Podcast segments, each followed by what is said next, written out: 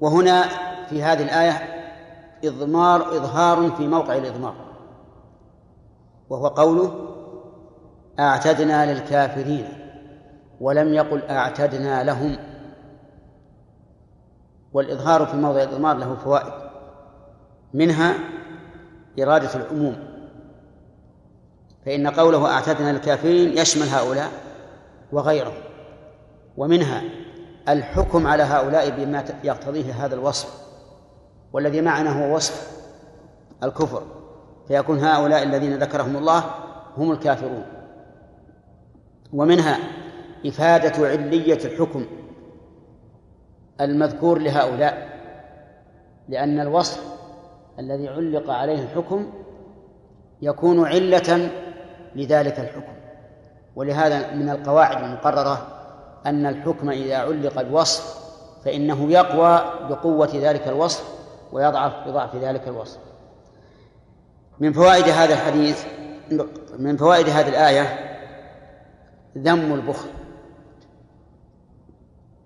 وهو أنواع. البخل بما يجب شرعا أعظم من البخل بما يجب عرفا والبخل بالفضل دون البخل بالواجب. عرفتم؟ الضيافة مثلا يجب تجب يوما وليلة. البخل فيها أشد من من من من البخل في كامل الضيافة وهو ثلاثة أيام. فمن بخل بيوم وليلة أشد ذما ممن بخل بخل بثلاثة أيام. ومن فوائد هذه الآية الكريمة أن هؤلاء الذين أساءوا في عملهم كانوا دعاة سوء. يأمرون الناس بالبخل. وأيما أشد الأمر بالبخل أو الدعوة للبخل؟ الأمر بالبخل.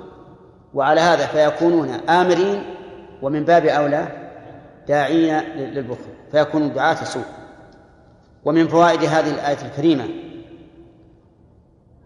ذم من يكتم ما آتاه الله من فضله.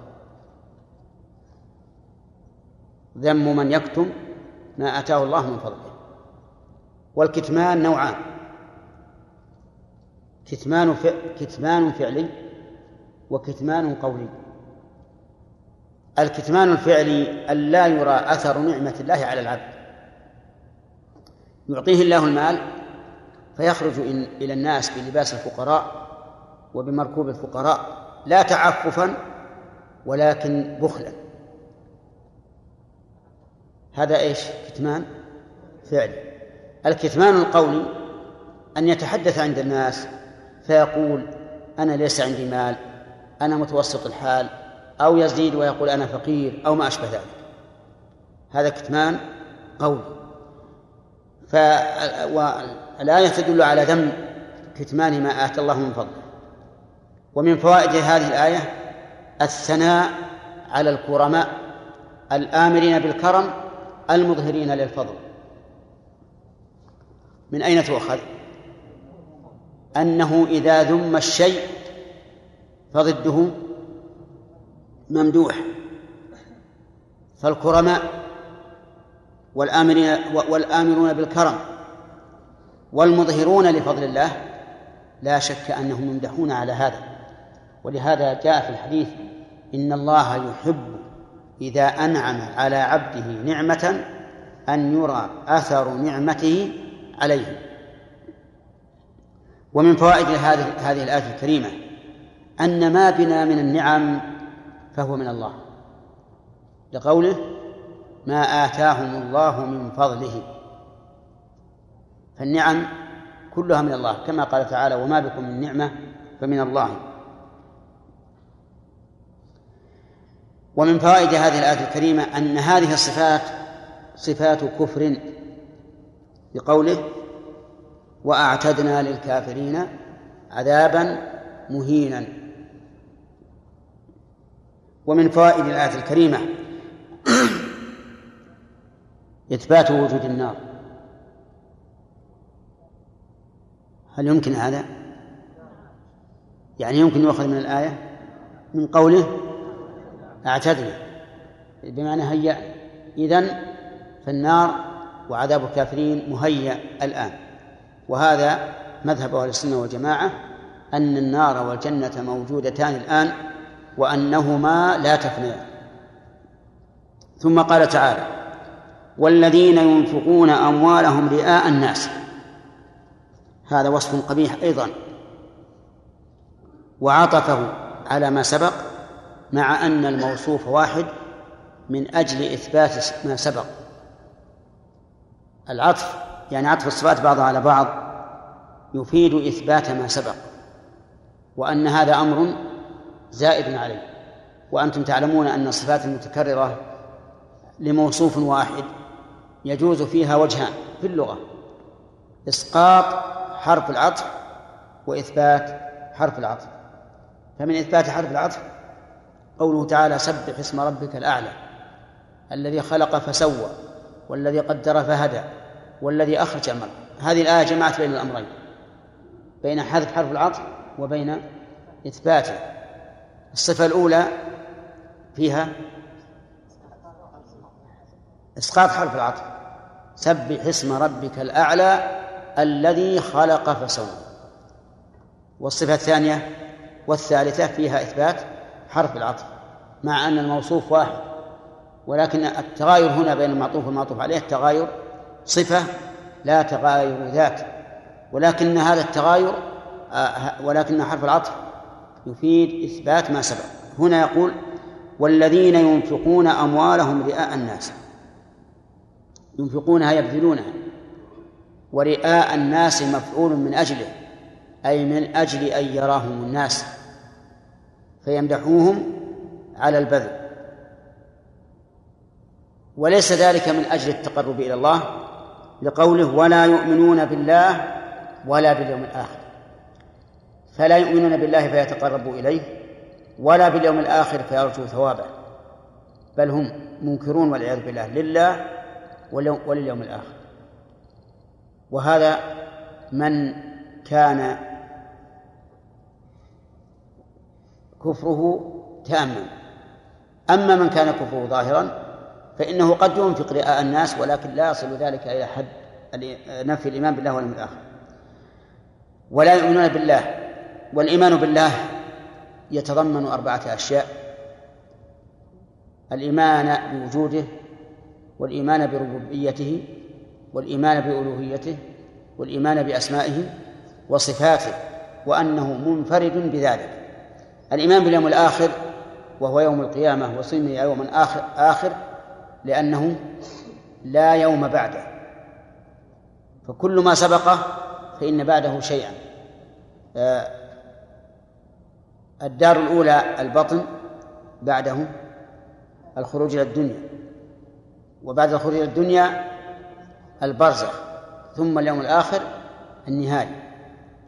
ولهذا نقول إن الذي يقول عن الميت إنه حمل إلى مثواه الأخير. نقول هذه كلمة خطيرة جدا مضمونها إنكار البعث لأنه إذا كان القبر مثواه الأخير معناه ما في بعده بعث. وهذه الكلمة يكثر ذكرها في الجرائد والمجلات وعلى ألسنة بعض من يدعون أنهم مثقفون لكنها في الواقع لا معنى لها. لا معنى لها إلا مضمون نعم. لكنها في الواقع غير صحيحة إلا لإنسان لا يؤمن بالبعث ولا يؤمن بالله ولا باليوم الآخر. ومن يكن الشيطان له قرينا فساء قرينا. إشكال نحو وهو جر الفعل المضارع. ومن يكن الشيطان والمعروف أن الجر إنما يكون في الأسماء. نعم. هل هو هذا مجرور ولا غير مجرور؟ غير مجرور. لكنه محرك بالكسر لالتقاء الساكنين. ولولا الساكن الذي بعده وهو الهمزة همزة الوصل لولا ذلك لكان مجزوما. طيب يقول ومن يكن الشيطان. وإشكال آخر لماذا لم يقل ومن يكون الشيطان لأن من؟ شرطية. ومن الشرطية تجزم فعلين الأول فعل الشر والثاني جوابه وجزاؤه. قال الله تعالى من يعمل سوءا يجز به. طيب. يقول ومن يكن الشيطان له قرينا فساء قرينا. أي شيطان هو؟ هل هو واحد معلوم؟ أو المراد به الجنس؟ المراد به الجنس لأن كل واحد من الناس له قرين. طيب. وقوله من يكن الشيطان له قرينا المراد بالشيطان الذي هو القرين السوء. قال الله تبارك وتعالى ومن يعش عن ذكر الرحمن نقيض له شيطانا فهو له قرين. والعياذ بالله. يقارن دائما إذا عاش عن ذكر الرحمن وأعرض عن ذكر الله جاءه الشيطان فصار يأمره بالمنكر وينهاه عن المعروف. وقوله فساء قرينا الجملة جملة إنشاء للذم جملة إنشاء للذم. ولماذا اقترنت بالفاء في جواب من؟ لأن لأن الاسم الفعل جامد وقد قيل في ذلك نظم أي فيما يجب اقترانه بالفاء إذا وقع جوابا للشرط. قيل فيه نظم ينشدنا إياه العقيل.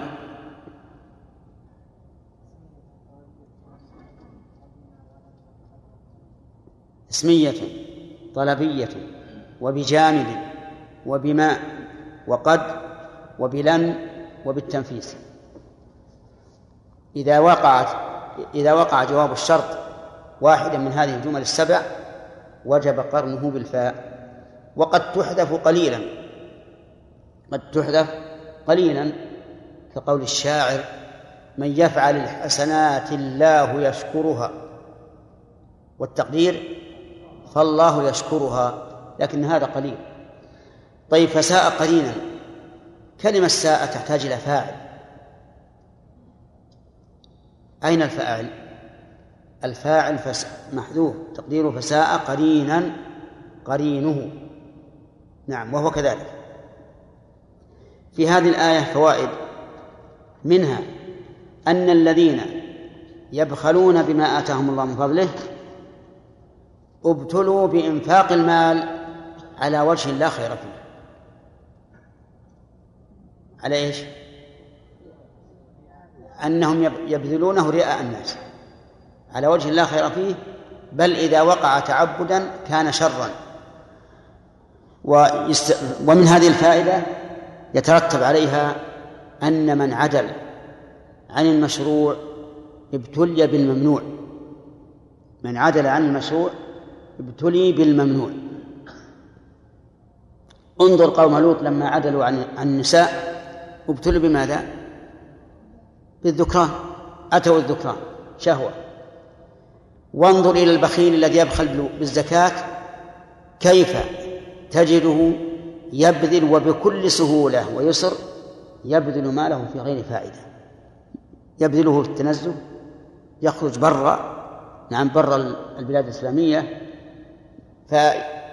فيستهلك من الأموال أضعاف أضعاف ما يجب عليه بذله من الزكاة والنفقات الواجبة. نعم ومن فوائد هذه الآية الكريمة ذم من ينفق ماله رئاء الناس أي لمراءاة الناس وهنا نسأل لو أنفق الإنسان ماله علنا ليراه الناس فيقتدوا به فهل يدخل بالآية؟ لماذا؟ لأن هذا أنفقه لله لكن جعله علانية لمصلحة لمصلحة الإنفاق. وفرق بين من من ينفق لا لشيء إلا ليراه الناس فيمدحوه وبين من ينفق علنا ليقتدي به الناس. ولهذا امتدح الله الذين ينفقون أموالهم سرا وعلانية. ومن فوائد هذه الآية الكريمة أن الشيطان يلعب بابن آدم. فهؤلاء الذين بذلوا ما يحبون من الأموال. بذلوها في شيء لا ينفعهم. ثناء المرء على ثناء الناس على المرء في غير ما يحبه الله سينقلب بعد ذلك ذما ولا بد. انتبه. ثناء الناس على المرء بغير ما يرضي الله سينقلب بعد هذا ذما. دليله من التمس رضا الناس بسخط الله سخط الله عليه وأسخط عليه الناس. ولذلك تجد الذين يراؤون في الإنفاق إن حمدوا يحمدون ساعتهم فقط ثم ينقلب هذا الحمد ذما. فالإنسان يلعب فالشيطان يلعب بالإنسان ويغره وينفخه. حتى يظن أنه إذا أنفق أو عمل مراءة للناس رفعه رفعه ذلك عند الناس. ومن فوائد الآية الكريمة أن المرائي عنده نقص في الإيمان بالله واليوم الآخر. بقوله ولا يؤمنون. لأن الذي حملهم على المراءة ضعف إيمانهم بالله واليوم الآخر. ولو كان إيمانهم بالله واليوم الآخر قويا ما ابتغوا ما ابتغوا بالإنفاق إلا وجه الله والدار الآخرة. ومن فوائد الآية الكريمة ذم من لا يؤمن بالله واليوم الآخر لأنه كافر والعياذ بالله. ومدح من آمن بالله واليوم الآخر لأنه مؤمن. ومن فوائد الآية الكريمة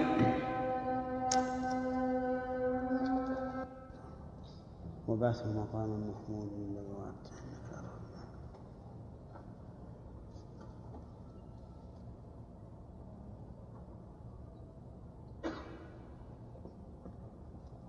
ومن فوائد الآية الكريمة الثناء على من آمن بالله واليوم الآخر وأن الإيمان بالله واليوم الآخر من أسباب الإخلاص واجتناب الرياء لقوله ولا ينفقون أموالهم رئاء الناس ولا يؤمنون بالله واليوم الآخر.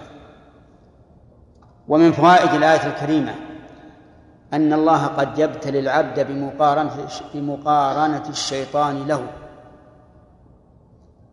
لقوله ومن يكن الشيطان له قرينا فساء قرينا ومن فوائد الآية الكريمة الحذر من مقارنة الشيطان لك. أو الحذر من مقارنة الإنسان من مقارنة الشيطان للإنسان. فإن قال قائل وأي علم أو أي شيء أصل به إلى العلم بأن الشيطان كان قرينا نقول بما يأمرك به. الشيطان يعدكم الفقر ويأمركم بالفحشاء. فإذا وجدت في نفسك من يأمرك دائما بالمعصية والبخل والفحشاء فهذا هو الشيطان. فعليك أن تلجأ إلى الله عز وجل لأن بذلك أمرك الله. قال الله عز وجل وإما ينزغنك من الشيطان نزغ فاستعذ بالله إنه هو السميع العليم. يسمع ما استعاذتك ويعلم حالك ويعلم كيف يدفع الشيطان عنك. ومن فوائد الآية الكريمة تقبيح وذم مقارنة الشيطان للإنسان لقوله فساء قرينا. وقد جاء في الحديث أن كل إنسان له قرين ولكن القرين قد يسلم ويستسلم ولا يأمر بشر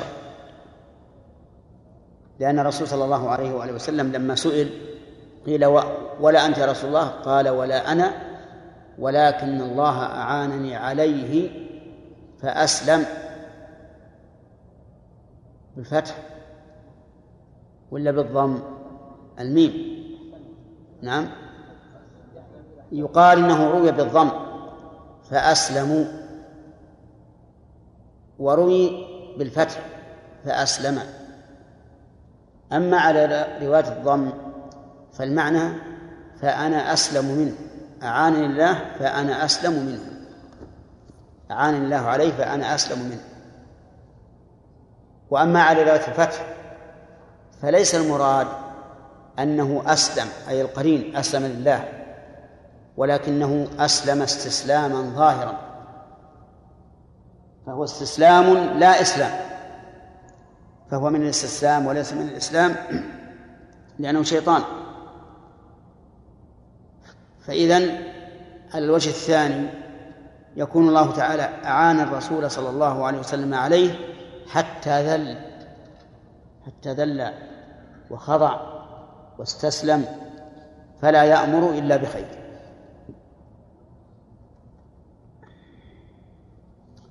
نعم.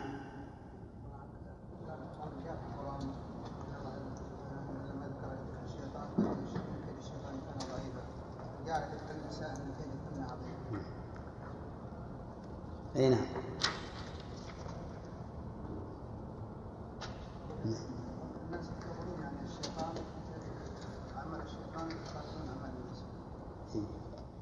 اقرأ أول الآية. إن كيد الشيطان كان ضعيفا.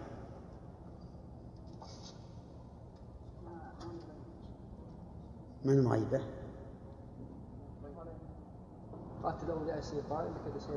فقاتلوا أولياء الشيطان. إن كيد الشيطان كان ضعيفا.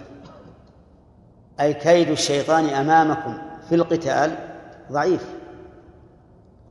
فأنتم جنود الله وهم جنود الشيطان. وجنود الله عز وجل تحرسهم وتعينهم ملائكة الله. فيكون كيد الشيطان الذي الذي الذين نعم كيد الشيطان الذي يعين أولياءه يكون ضعيفا بالنسبة إلى جنود الرحمن. مهم مطلقا. وأما قول إن إن إنه من كيدكن إن كيدكن عظيم. فهو عظيم بالنسبة لنا لأن كيد امرأة العزيز كان شديدا وعظيما وذلك أنه انتشر في المدينة أن امرأة العزيز امرأة الملك تراود فتاها عن نفسه قد شغفها حبا شاء هذا. وهذا عيب أو غير عيب؟ عيب أنها سيدته ثم تراوده عن نفسه وهي امرأة العزيز امرأة الملك. ثم مع ذلك ليست تراوده عن أمر عادي. قد شغفها حبا وصل حبه إلى شغاف قلبها. وهذا شيء يستغرب. هي ظنت أنهن قلن ذلك من أجل الاطلاع على هذا الفتى. فلما سمعت بمكرهن أرسلت إليهن وأعتدت لهن متكئا. أعتدت يعني هيأت هيأت متكئا يعني مكانا مرتفقا كالكراسي والكنبات وشبهها. وآتت كل واحدة منهن سكينا ولم تعطي كل واحدة ترجه كما قاله العوام. آتت كل واحدة منهن سكينا وقالت اخرج عليهم. أخرج عليهم. فلما رأيناه أكبرنا. يعني عظمنا وانبهرنا منه. وصارت كل واحدة تقطع يده بالسكين. قطعنا أيديهم وقلنا حاشا لله ما هذا بشرا؟ إن هذا إلا ملك كريم. فصار كيد امرأة العزيز أعظم من كيدهن. لأنها حبلتهن هذه الحبالة. فصار كيده كيدها عظيما ها؟ المعهود ما في أسئلة بعد بعد الأذان؟ طيب. على أقول على حسب ما العادة. الأذان سؤال. لأن لا خمس دقائق للحديث والفقه. التفسير ما ذكرنا هذا. ما ذكر. تعويض طيب. بسم الله. يلا. ذكرتم في فأسلم ها؟ إيش؟ ذكرتم في توجيه فأسلم ولكن الله أعانني نعم نعم. ذكرتم وجهين. نعم. ولكن السؤال ما الذي يمنع أنه أسلم حقيقة ودخل في دين الإسلام؟ هذا نعم. إيه؟ لأنه قال أعانني ع- ولكن الله أعانني عليه. والإعانة يقتضي محاولة إغواء الرسول. ولو كان أسلم لقال ولكنه أسلم. فلما قال أعانني عليه علمنا أنه أنه ما زال على على محاولته لإغواء الرسول لكن الله أعان الرسول عليه حتى استسلم. نعم. واضح؟ صلى الله عليه في قول النبي صلى الله عليه وسلم فلا يأمرني إلا بخير. نعم. لا يكون دليل على أنه أسلم. لا ما هو دليل؟ استسلام ذل كان لاستطاعه ألا يأمره يعني بخير. لكن. لما كان خوفا منه. خوفا منه كما يخاف المنافقون. نعم.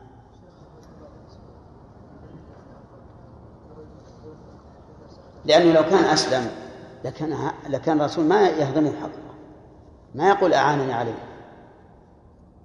لكان لو لو كان كذلك لقال ولكنه أسلم فلا يأمرني إلا بخير. نعم.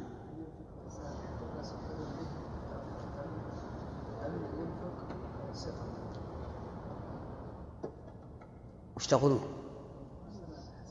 يقول هل الأفضل أن ينفق جهرا ليقتدي الناس به أو ينفق سرا. هذه ينظر المصلحة إن خاف على نفسه الرياء أنفق سرا وإلا أنفق علنا. ثم أيضا إن خاف أن المنفق عليه ينكسر قلبه إذا أنفق عليه علنا فلينفق سرا. تختلف المسألة. كيف؟ أعوذ بالله من الشيطان الرجيم. وماذا عليهم لو آمنوا بالله واليوم الآخر وأنفقوا مما رزقهم الله وكان الله بهم عليما. إن الله لا يظلم مثقال ذرة وإن تك حسنة يضاعفها ويؤتي من لدنه أجرا عظيما. فكيف إذا جئنا من كل أمة بشهيد وجئنا بك على هؤلاء شهيدا؟ يومئذ يود الذين كفروا وعصوا الرسول لو تسوى بهم الأرض لو تسوى بهم الأرض ولا يكتمون الله حديثا. أعوذ بالله من الشيطان الرجيم. قال الله تبارك وتعالى موبخا أولئك القوم الذين يختالون ويفخرون ويأمرون بال... ويبخلون ويأمرون الناس بالبخل. أو الذين ينفقون أموالهم رئاء الناس ولا يؤمنون بالله ولا باليوم الآخر. قال موبخا وماذا عليهم لو آمنوا بالله واليوم الآخر؟ ماذا؟ استفهام. لكن هل ماذا؟ كلها استفهام؟ أو ما اسم استفهام والذي وذا بمعنى الذي في هذا قولان لعلماء النحو مع اتفاق الجميع على أن الجملة استفهامية وماذا عليه؟ والمراد بالاستفهام هنا التوبيخ. أي شيء عليكم إذا أمنتم؟ الجواب لا شيء لا شيء عليه. وكما قال مؤمن آل فرعون إن يك كاذبا فعليه كذبه وإن يك صادقا يصبكم بعض بعض الذي يعدكم. فلو آمنوا وجربوا فماذا يكون عليهم؟ وقول وماذا عليهم؟ لو آمنوا بالله واليوم الآخر. لو هنا شرطية وجوابها محذوف. دل عليه ما قبله. وقيل إنها في مثل هذا التركيب لا تحتاج إلى جواب. أي ما كان ما كان جوابه مذكورا في غير محله يعني مقدما فإنه لا يحتاج إلى جواب وهذا الذي نرى أنه أصح لأنه ما دام قد تقدم ما يدل عليه أصبح ذكره أصبح ذكره مستغنى عنه وحينئذ لا حاجة إلى تقديره لأن الأصل عدم التقدير. وقول لو آمنوا بالله واليوم الآخر سبق الكلام على مثلها فلا حاجة إلى الإعادة. وأنفقوا مما رزقهم الله. لكن أنفقوا مما رزقهم الله إخلاصا لله لا رئاء الناس والإنفاق بمعنى البذل والرزق بمعنى العطاء. لو بذلوا مما أعطاهم الله على حسب ما يرضي الله عز وجل وأعظم ما ينفق هو الزكاة. وما دون ذلك فهو دون دونه. وكان الله بهم عليما. كان الله بهم أي بما هم عليه من كفر وبما هم عليه لو آمنوا بالله. ففي الآية هنا في الجملة هنا ترغيب وترهيب. يعني لو آمنوا بالله وصدقوا الله لعلم الله بإيمانهم وأثابهم. ولو بقوا على كفرهم لكان الله بهم عليما.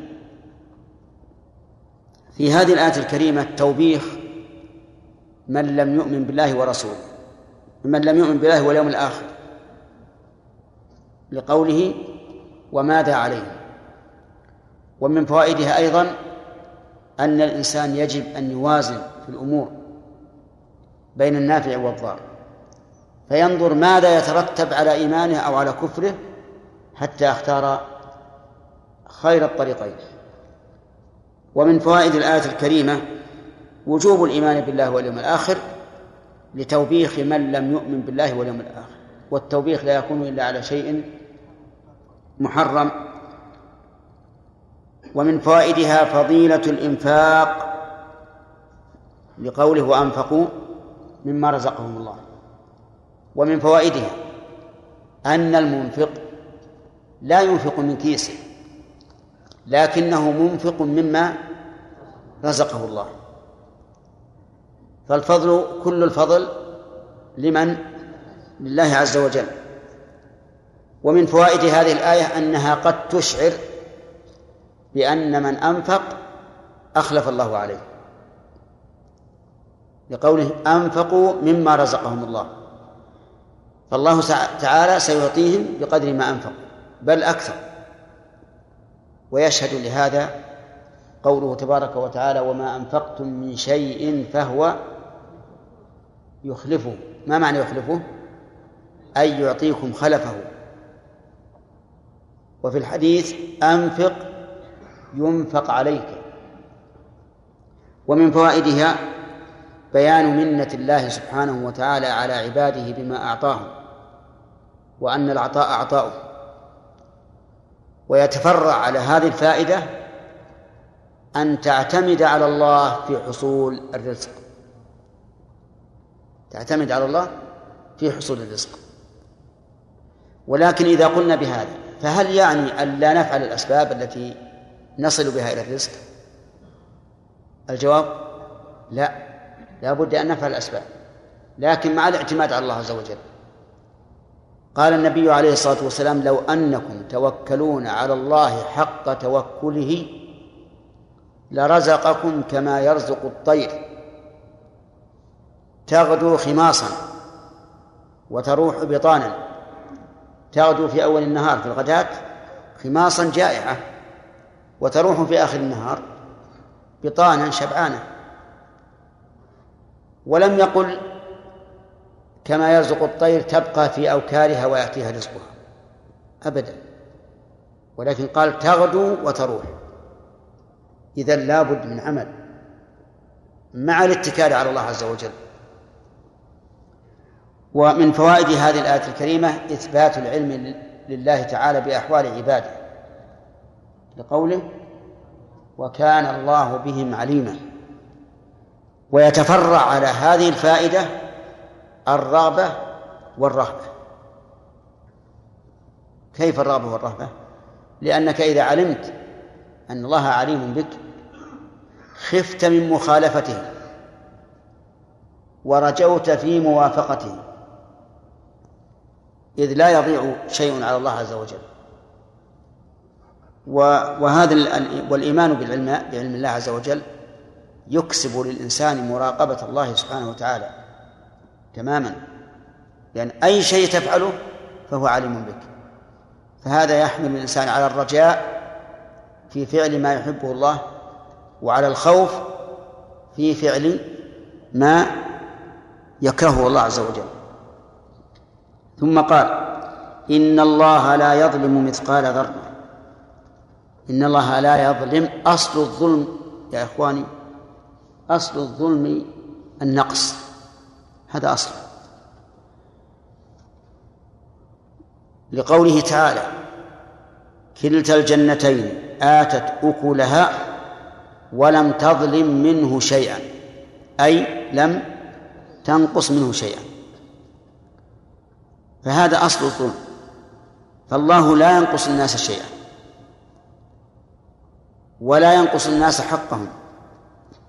ومن يعمل من الصالحات وهو, وهو مؤمن فلا يخاف ظلما ولا هضما. ظلما بعقوبته على شيء لم يفعله ولا هضما أي نقصا من ثواب حسناته. وقول مثقال ذرة أي زينة ذرة والذرة يطلب يضرب بها المثل في التحقير. وإلا فإن الله تعالى لا يظلم مثقال ذرة ولا دونه. وما جيء به على سبيل التحقير أو التكثير فإنه لا مفهوم له. كما قيل به في قوله تعالى إن تستغفر لهم سبعين مرة فلن يغفر الله لهم قيل إن المراد بذلك التكثير وأن الرسول لو استغفر سبعمائة ألف ما غفر له وحينئذ لا يكون له مفهوم كذلك مثقال ذرة المقصود بها إيش؟ ها؟ المبالغة في التحقير وما كان المقصود به المبالغة في التحقير فإنه لا مفهوم له وعلى هذا لو سألنا سائل هل يظلم الله دون مثقال ذرة؟ قلنا لا. آه، وإن تك حسنة فيها قراءتان. وإن تك حسنة وإن تك حسنة. ويختلف الإعراب على الوجهين. إن تك حسنة تكون كان على هذه القراءة تامة أي لا تحتاج إلى خبر. والمقصود بكانت تامة مجرد مجرد الدلالة على الحدوث. لا على صيرورة شيء إلى شيء آخر. وأما كان الناقصة فإنها تدل على صيرورة شيء إلى شيء آخر. كان الرجل قائما يعني بعد أن لم يكن قائما. طيب يقول هنا وإن تك حسنة بالرفع على أن تكو تامة وبالنصب على أنها ناقصة لكن أين اسمها إذا كانت ناقصة؟ مستتر تقديره هي. وإن تك حسنة أي وإن تك الفعلة التي يفعلها الإنسان حسنة يضاعفها. وفي يضاعفها أيضا قراءتان. يضاعفها ويضاعفها. وهي على القراءتين ساكنة الفاء.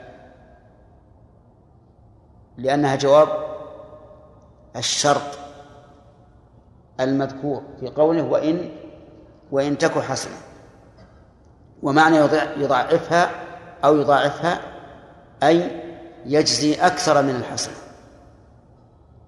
وقد دلت النصوص على أن الحسنة تكون بعشر أمثالها إلى سبعمائة ضعف إلى أضعاف كثيرة وأن السيئة بمثلها. ويؤتي من لدنه أجرا عظيما.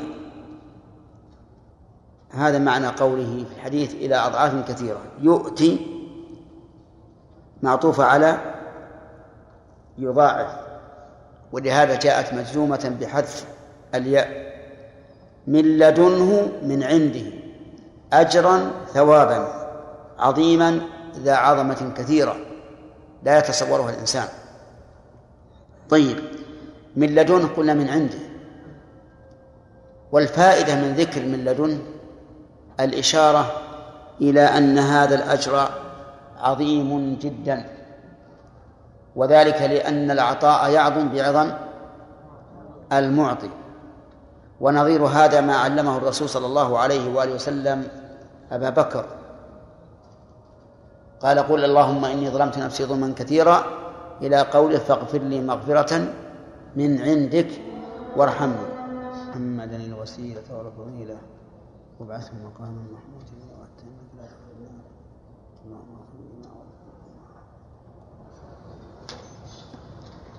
في سؤال يا؟ لا. ما في. نعم. ولكن حجاجا يقول لا. أتقول لا؟ نعم. ها؟ كيف؟ لا إحنا قلنا اللي له خمس دقائق الحديث والفقه. ما قلنا. لا أذكر هذا. على كل حال إحنا ودنا ننهي البرهانية لأجل الإخوان الزائرين لعله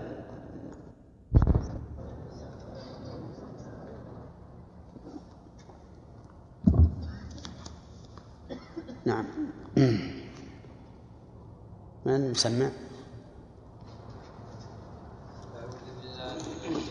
الرجيم. وكيف إذا جئنا من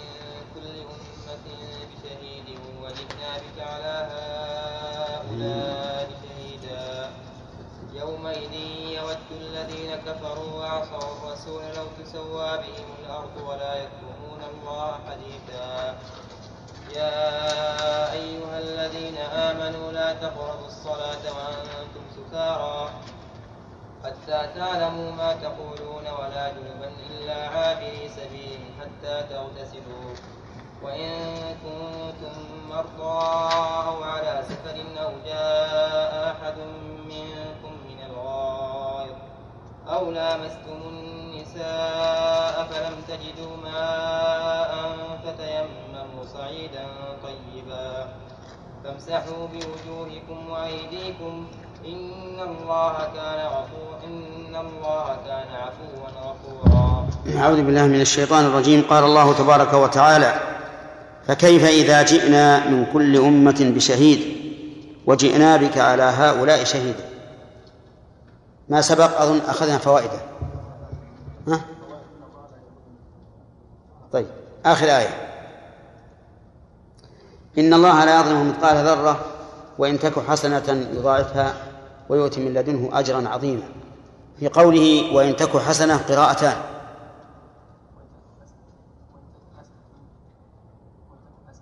لا تعبث. نعم. طيب على قراءة الراف ما إعرابها؟ تكون فاعلا لكان لتكن وهي تامة وعلى قراءة النصب خبر كان وفي يضاعفها دلخان. في يضاعفها يضاعفها ويضاعف نعم. في هذه الآية الكريمة من الفوائد انتفاء الظلم عن الله عز وجل.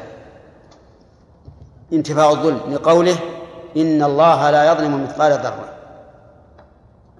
وهذا النفي يتضمن إثبات كمال العدل. يتضمن إثبات كمال العدل. وليس المراد به مجرد انتفاء الظلم لأن مجرد انتفاء الظلم لا يدل على كمال. وقد قال الله تعالى ولله الأسماء الحسنى. وقد قال تعالى ولله المثل الأعلى. أي الوصف الأعلى. وانتفاء الظلم المجرد لا يدل على الكمال. لماذا؟ لأن انتفاء الظلم قد يكون لعدم قبول المنفي عنه لهذا الظلم. بمعنى أنه ليس مما يقبل انتفاء الظلم أو ثبوت الظلم.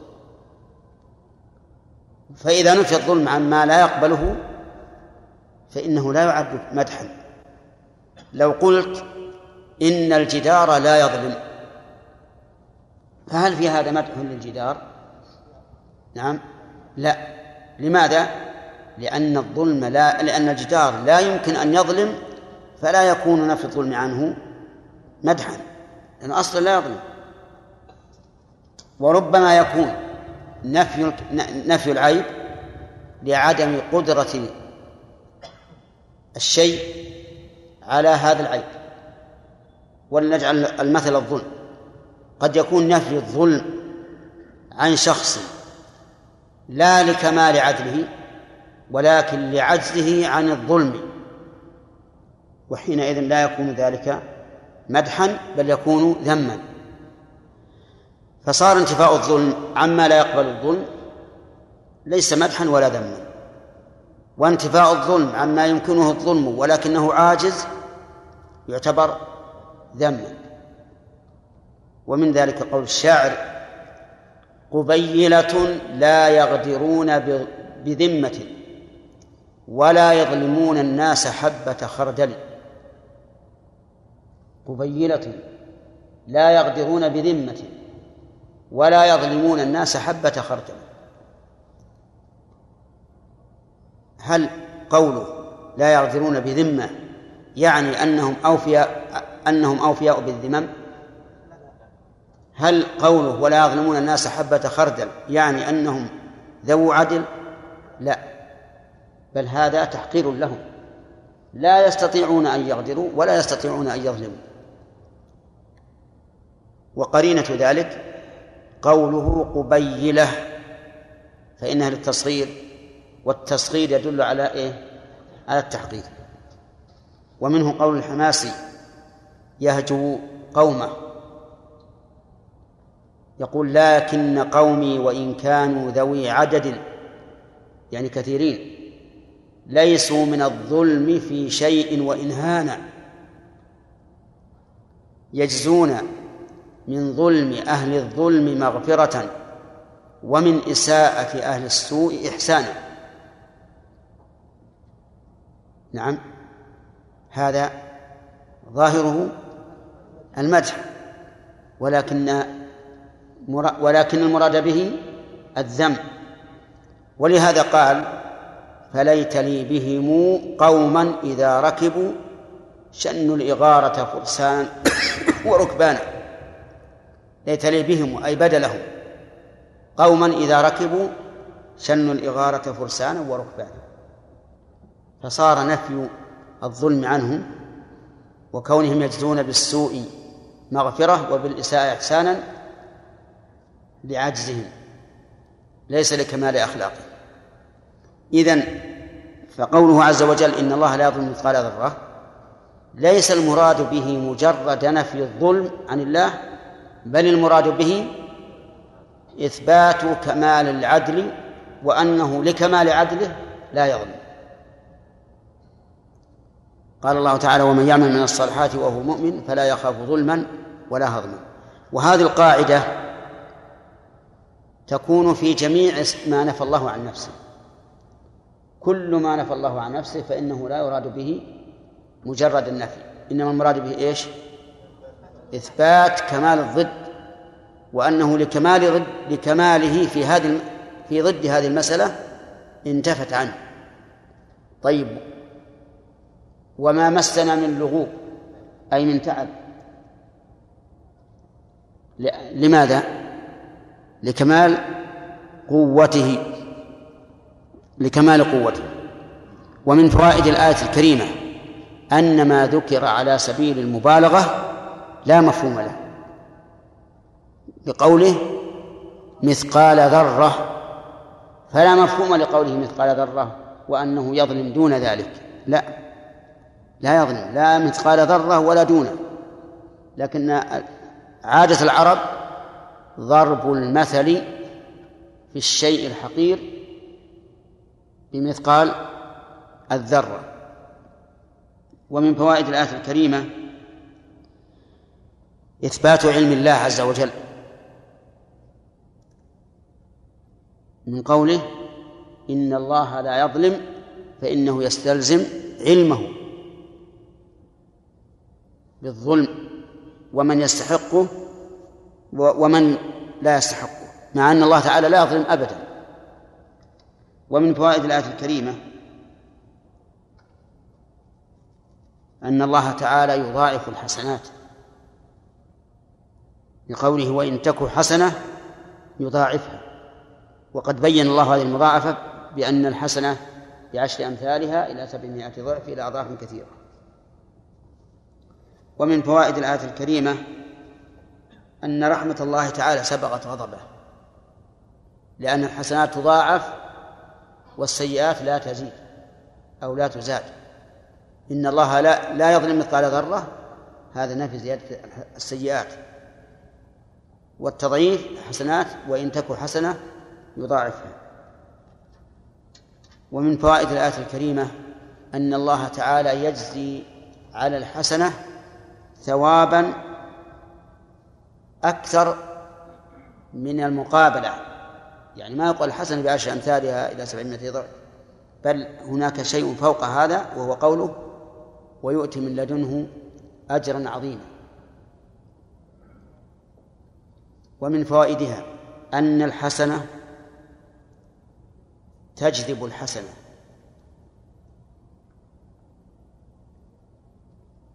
من أين تؤخذ؟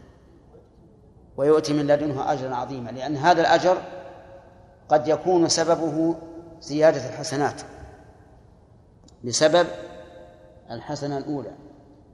وهذا من نعمة الله عز وجل أن الإنسان إذا عمل العمل الصالح وفق لعمل آخر. ثم قال تعالى فكيف إذا جئنا؟ مبتدأ درس الليلة. فكيف إذا جئنا من كل أمة بشهيد؟ لما ذكر أن الله عز وجل لا يظلم مثقال ذرة قال فكيف إذا جئنا من كل أمة بشهيد؟ والاستفهام هنا للتعظيم أو للتعجب. يعني كيف تكون الحال إذا جئنا من كل أمة بشهيد؟ وذلك يوم القيامة. يأتي الله تعالى من كل أمة بشهيد. والشهيد هو الرسول. يشهد على أمته بأنه بلغ رسالة ربه. ومن وهذا شهيد كل أمة. وهناك شهادة عامة وهي شهادة هذه الأمة على من قبلها من الأمم. كما قال الله تعالى وكذلك جعلناكم أمة وسطا لتكونوا شهداء على الناس ويكون الرسول عليكم شهيدا. وقوله من كل أمة أمة جاءت في القرآن الكريم لعدة معان. المعنى الأول الطائفة كهذه الآية. وكقوله تعالى وجد عليه أمة من الناس يسكون المعنى الثاني الإمام كقوله تعالى إن إبراهيم كان أمة قانتا المعنى الثالث الزمن. كقوله تعالى وقال الذي نجا منهما وادكر بعد أمة. أي بعد زمن. ومقداره بضع سنين. كما قال تعالى فلبث في السجن بضع سنين. هل لها معنى الرابع؟ ما هو الدين كقوله وأن هذه أمتكم أمة واحدة.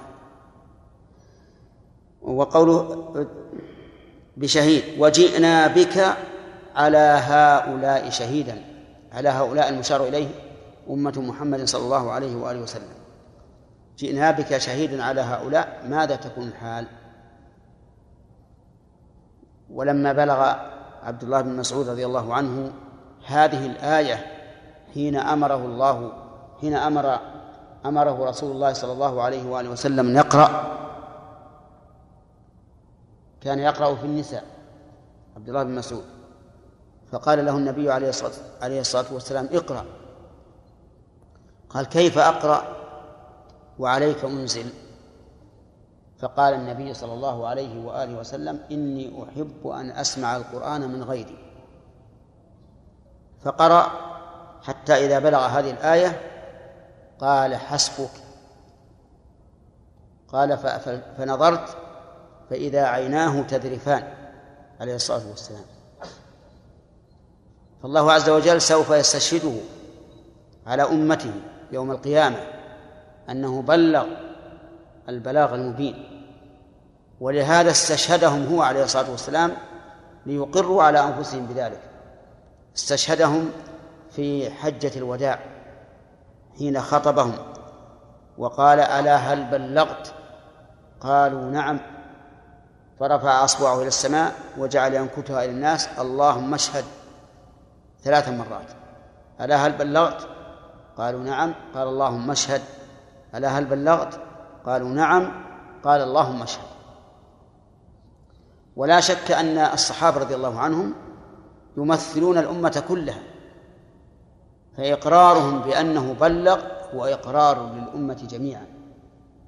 ونحن نشهد أنه بلغ البلاغ المبين عليه الصلاة والسلام وأنه ترك الأمة على محجة بيضاء ليلها كنهارها لا يزيغ عنها إلا هالك.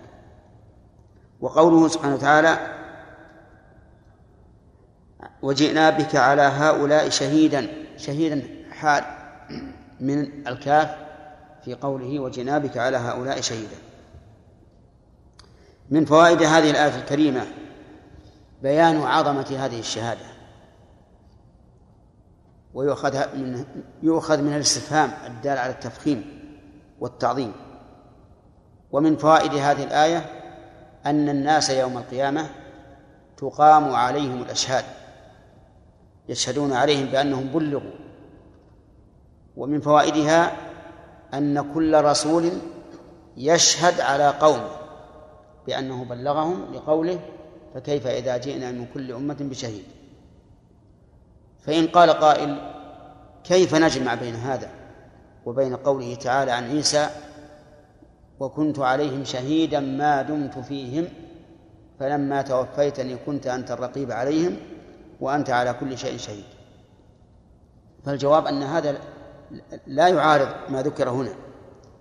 فإنه شهد على أمته الذين باشر إبلاغهم اللي هو الذي هو عيسى عليه الصلاة والسلام. أما بعد موته فإن الأمر إلى الله عز وجل.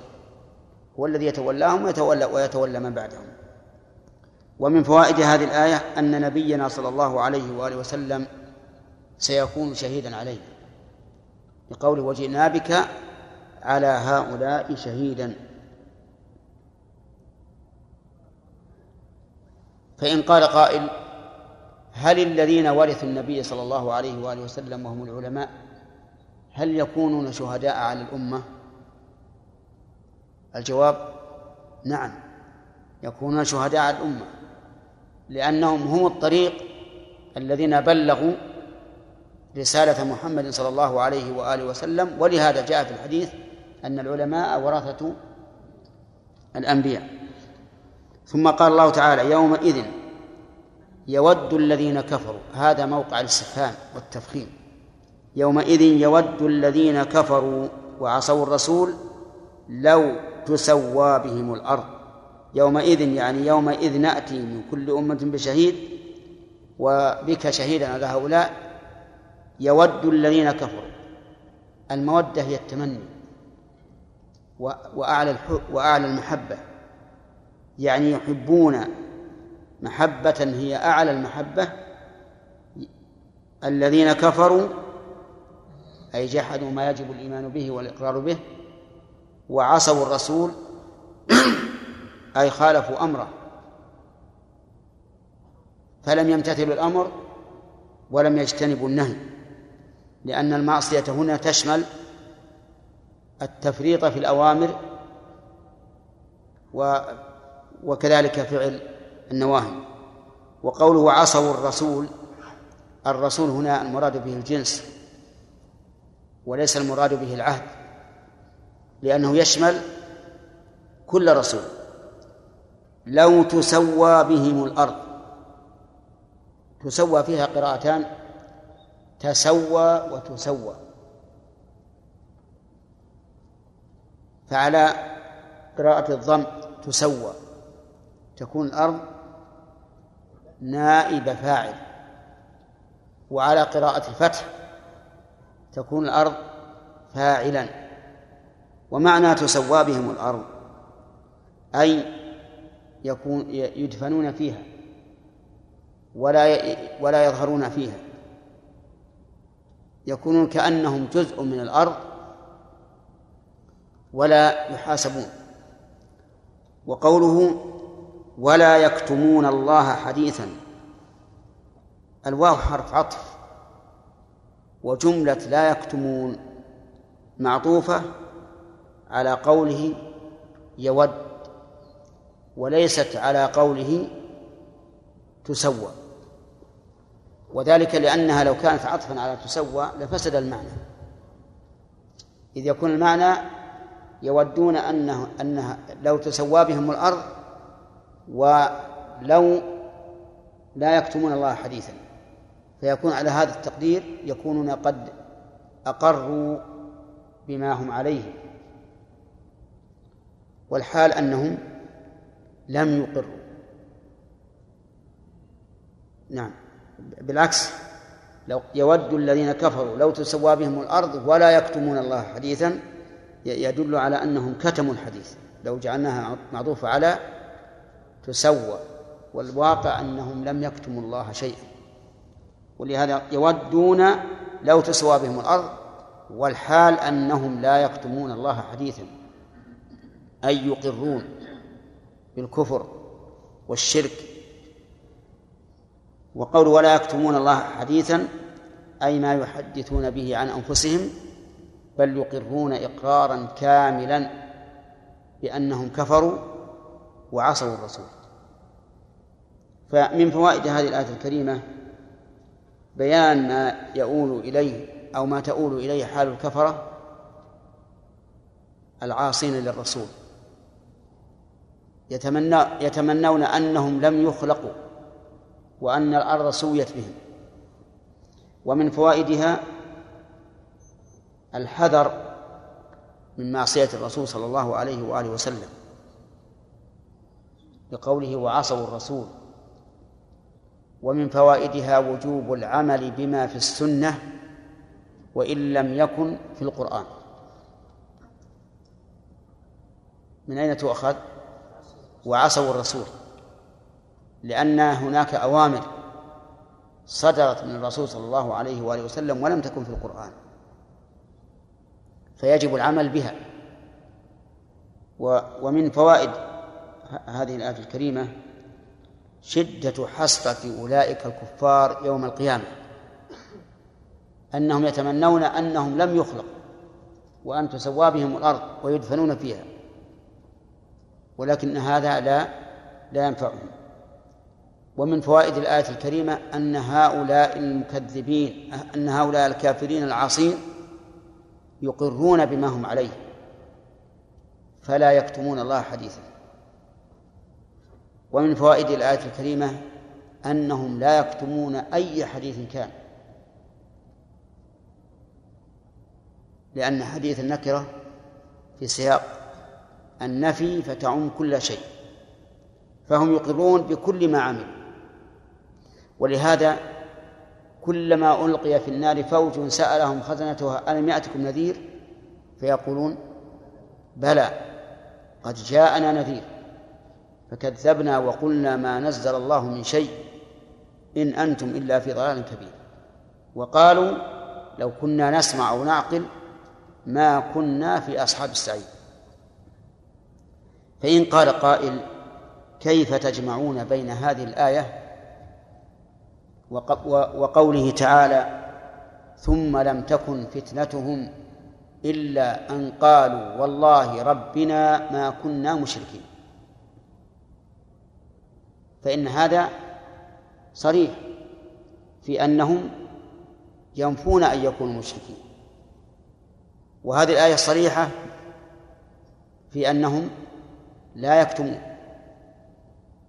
فالجواب أن أحوى أن القيامة ليست ساعة أو ساعتين حتى تتصادم الأحوال فيها. القيامة يوم مقداره خمسون ألف سنة. فالأحوال تتغير وتتبدل. فهم في أحيانا يقولون كذا وأحيانا يقولون كذا لأنهم يريدون الخلاص. يريدون الخلاص. فكل وسيلة يظنونها سببا للخلاص يسلكونها حتى وإن تناقضوا. فهم لا يكتمون الله حديثا. ولكن إذا رأوا نجاة أهل التوحيد قالوا والله ربنا ما كنا مشركين من أجل أن تحصل لهم النجاة. ولكنها لا تحصل. إذا قالوا والله ربنا ما كنا مشركين من الذي يفضحهم؟ تشهد عليهم ألسنتهم وأيديهم وأرجلهم بما كانوا يكسبون. وكذلك الجلود. حتى إنهم يوبخون جلودهم. لما شهدتم علينا؟ قالوا أنطقنا الله الذي أنطق كل شيء. رحمك الله. إذن نقول الجمع بينهما إيه؟ أن أحوال القيامة تتغير. وهكذا يأتيكم أشياء تظنون فيها التعارض مثل قوله تعالى يوم تسود وجوه يوم تبيض وجوه وتسود وجوه. ويوم القيامة ترى الذين كذبوا على الله وجوههم مسودة. وفي آية أخرى ونحشر المجرمين يومئذ زرقا. فيأتي الإنسان يقول كيف هذا؟ نقول يوم القيامة أحواله تتغير تسود الوجوه ويحشرون زرقا وتتغير لأن المدة خمسون ألف سنة. كم بيننا وبين الرسول؟ ألفين؟ نعم. أقل. ألف وأربعمائة. هذا خمسون ألف سنة. أعاننا الله وإياكم على أهواله. المسألة ما هي هينة. فتختلف الأحوال وتتغير. طيب. ومن فوائد هذه الآية الكريمة أن هؤلاء المجرمين الكافرين العاصين يسألون عن ذنوبهم. لكن سؤال توبيخ. بدليل قوله ولا ولا يكتمون الله حديثا. فهل هم يحاسبون كحساب المؤمن؟ وهل توزن أعمالهم؟ الجواب لا. لا يحاسبون كما يحاسب المؤمن. المؤمن تعرض عليه أعماله فإذا أقر بها قال الله عز وجل سترتها عليك في الدنيا وأنا أغفرها لك اليوم. ولا يناقش لأنه لو نوقش لهلك. أما هؤلاء فإنهم ينادى على رؤوس الأشهاد يوم القيامة هؤلاء الذين كذبوا على ربهم ألا لعنة الله على الظالمين. ولهذا قال قال الشيخ الإسلام رحمه الله في العقيدة الواسطية لا إنهم لا يحاسبون حساب من توزن أعماله وسيئاته لأنه لا حسنات لهم. فلا توزن لهم أعمال لقوله تعالى فلا نقيم لهم يوم القيامة وزنا. ثم قال تعالى يا أيها الذين آمنوا لا تقربوا الصلاة وأنتم سكارى حتى تعلموا ما تقولون. إذا صدر الله الآية بها أيها الذين آمنوا دل ذلك على اهتمام الموضوع لأن النداء يسترعي إيش؟ الانتباه. فإذا خاطبك أحد وناداك يا فلان. فإنه يريد منك أن تنتبه. ولهذا قال ابن مسعود رضي الله عنه إذا سمعت الله يقول يا أيها الذين آمنوا فأرعها سمعك فإما خير تؤمر به وإما شر تنهى عنه. ثم إن الله تعالى إذا صدر هذا النداء بوصف الإيمان دل ذلك على أن على أن امتثاله إن كان أمرا وتصديقه إن كان خبرا من مقتضيات الإيمان. لأنك لا تنادي شخصا بوصف ثم توجه إليه الأمر أو الخبر إلا لأنه أهل لقبول هذا الأمر وتصديق هذا الخبر بما معه من هذا الوصف. ويفيد أيضا أن مخالفة هذا نقص في الإيمان. فإذا كان أمرا فخولف أو خبرا فكذب فإن هذا ينافي الإيمان. طيب. ويفيد أيضا معنى ثالثا. وهو ما يعرف عندهم بالإغراء. الإغراء يعني التحبيب تحبيب الشيء إلى الإنسان. لأنه إذا قيل يا أيها الذين آمنوا كأنه قيل إن كنت مؤمنا فافعل.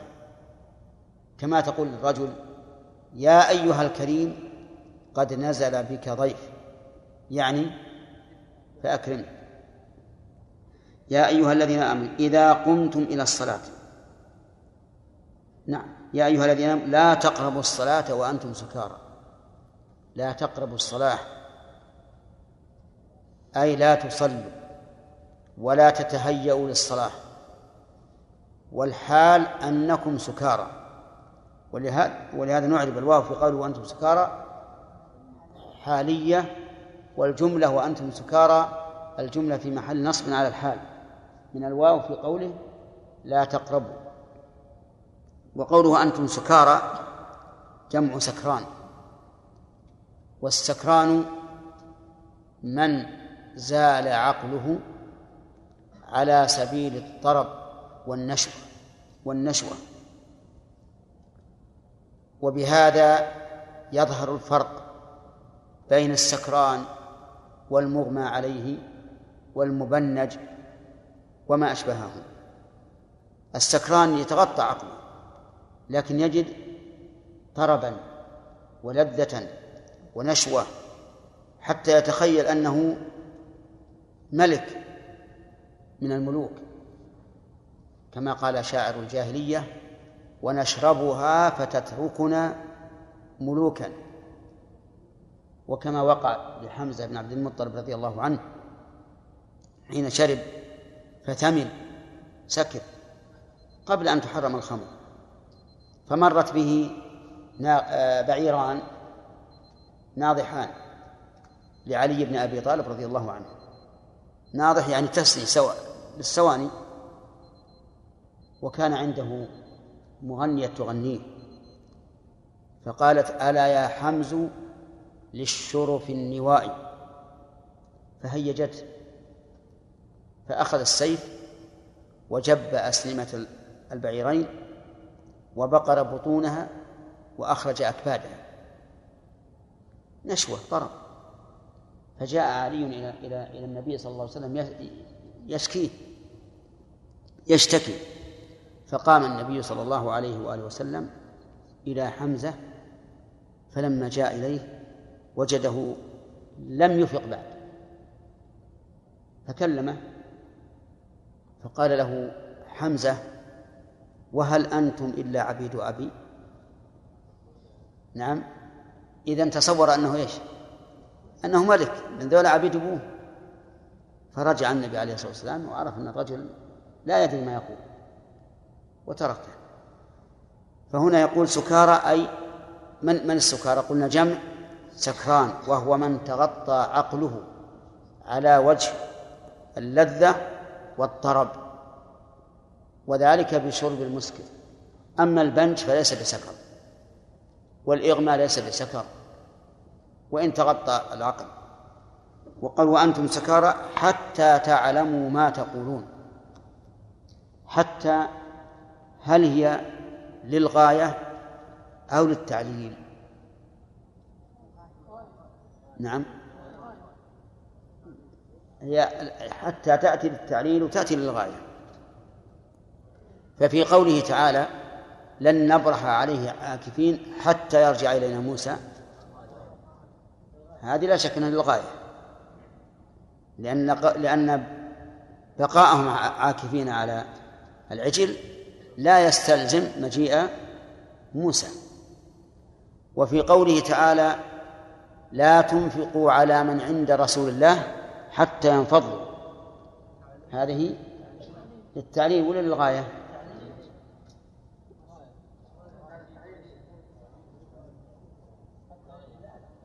أمهلوا بارك تأملوا. لا تنفقوا على من عند رسول الله حتى ينفضوا. ما تصنع الغاية؟ طيب لو جعلناها للغاية كان المعنى لا تنفقوا حتى ينفضوا فإذا انفضوا فأنفقوا. هذه الغاية. للتعليل لا تنفقوا على من عند رسول الله لأجل أن ينفضوا عنه. أيهما المعنى؟ الثاني لا شك لأنهم ليس على استعداد أنهم إذا انفضوا على رسول الله ينفقون عليه. طيب هذه الآية التي معنا. لا تقربوا الصلاة وأنتم سكارى إلى أن تعلموا ما تقولون أو المعنى لتعلموا ما تقولون. نعم. فيها وجهان وللطلاب قولان نعم تصلح لهذا وهذا. لا ت... نعم لا تقربوا الصلاة لتعلموا ما تقولون. لا تقربوا الصلاة إلى أن تعلموا ما تقولون. وإذا كانت صالحة للوجهين ولا منافاة بينهما فإنها تحمل عليهما. فنقول السكران لا يقرب الصلاة حتى يعلم ما يقول يعني حتى يصحو صحوا تاما. ولا يقرب الصلاة لأجل أن يعلم ما يقول في صلاته وما يفعل في صلاته. نعم. نقف على هذا. نعم. سبحانه وتعالى ويوم تصد وجوه وتبيض وجوه وقوله ويوم نحشر نحشر المجرمين زرقا ما نقول هذا من سبيل الترادف يعني نوع واحد. كلمتان مترادفتان على اللي هي الزرق والسواد. السواد. هل الأزرق هو الأسود؟ اي نعم. عجيب. نقول ازرق أسود. نعم. هذا لا نعرفه إلا في لغة بعض المصريين. شيخ الأزرق غير الأسود. لكن بعض العلماء وفق في هذا. نحن نشرح. بعضهم قال إن الأزرق إذا كانت زرقته يعني شديدة مال إلى السواد. صار أسود وبعضهم قال في بعض الأحيان يكون سودا وفي بعض الأحيان زرقا. وبعضهم قال سود الوجوه زرق الأعين. فيكون نحشر المجرم يومئذ زرقا المراد البعض. الزرقة لبعض أجزائهم. وعلى كل حال هي لا يمكن أن أن تجعل والسو- والسواد شيئا واحدا لأنه يمكن الجمع بغير هذا نعم شرف بارك الله فيكم أليس هناك وجه آخر بين الآية ويقول تعالى والله كنا مشركين ويقول أنهم يقول أنا لم لم نكن مشركين بشيء لأنهم لم ينفعونا إيه. يعني نفوا الشركاء لانتفاء نفعهم نعم لأنهم قالوا ليسوا شيء لو كانوا شيء لنفعونا أي قصدك أن نفوا الشرك لانتفاء الانتفاع به. لكن الله يقول انظر كيف كذبوا على أنفسهم وضل عنهم ما كانوا يفترون. هذا صريح أنهم كذبوا في قوله نعم عبد الله.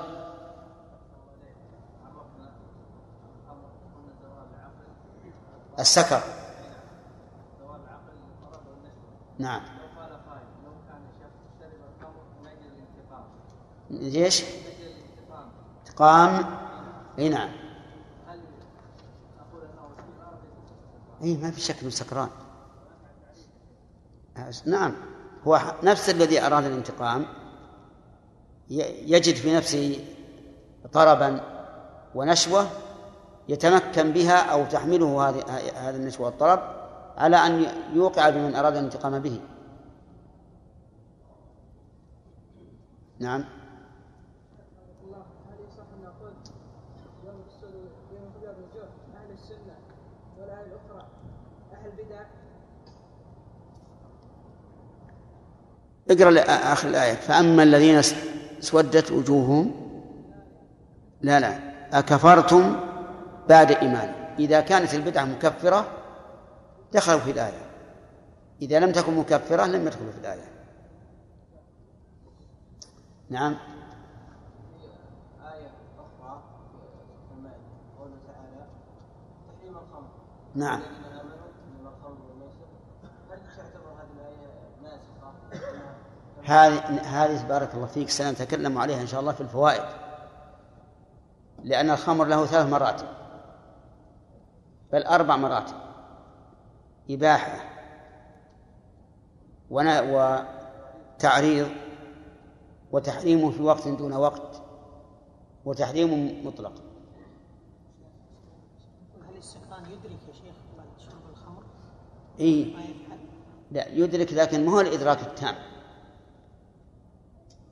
لكن من خفة ما جاءه من الطرب من الخفة صار يفعل شيئا يندم عليه فيما لو صح. ولهذا تجدهم والعياذ بالله يفعل الواحد بأمه. نشرت بعض المجلات اللبنانية منذ سنوات قديمة أن شابا دخل على أمه في الساعة الواحدة ليلا بعد منتصف الليل. فدعاها إلى نفسه. قالت لا. فقال إن لم تفعلي لأقتلن نفسي. فأدركتها الشفقة فمكنته من ففعل ففجر بها. فلما أصبح أحس بما فعل. فجاء إلى أمه وقال ماذا فعلت البارحة؟ قالت لم تفعل شيئا. خافت. قال أخبريني أو أقتل نفسي. فأدركتها الشفقة فأخبرته. فذهب إلى الحمام وأخذ معه صفحة أو جرة من البنزين وصبه على نفسه ثم أحرق بنفسه.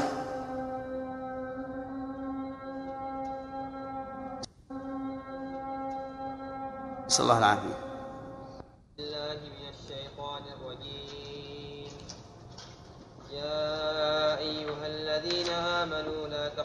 الصلاة وأنتم سكارى حتى تعلموا ما تقولون. ولا جنبا إلا عابري سبيل حتى تغتسلوا.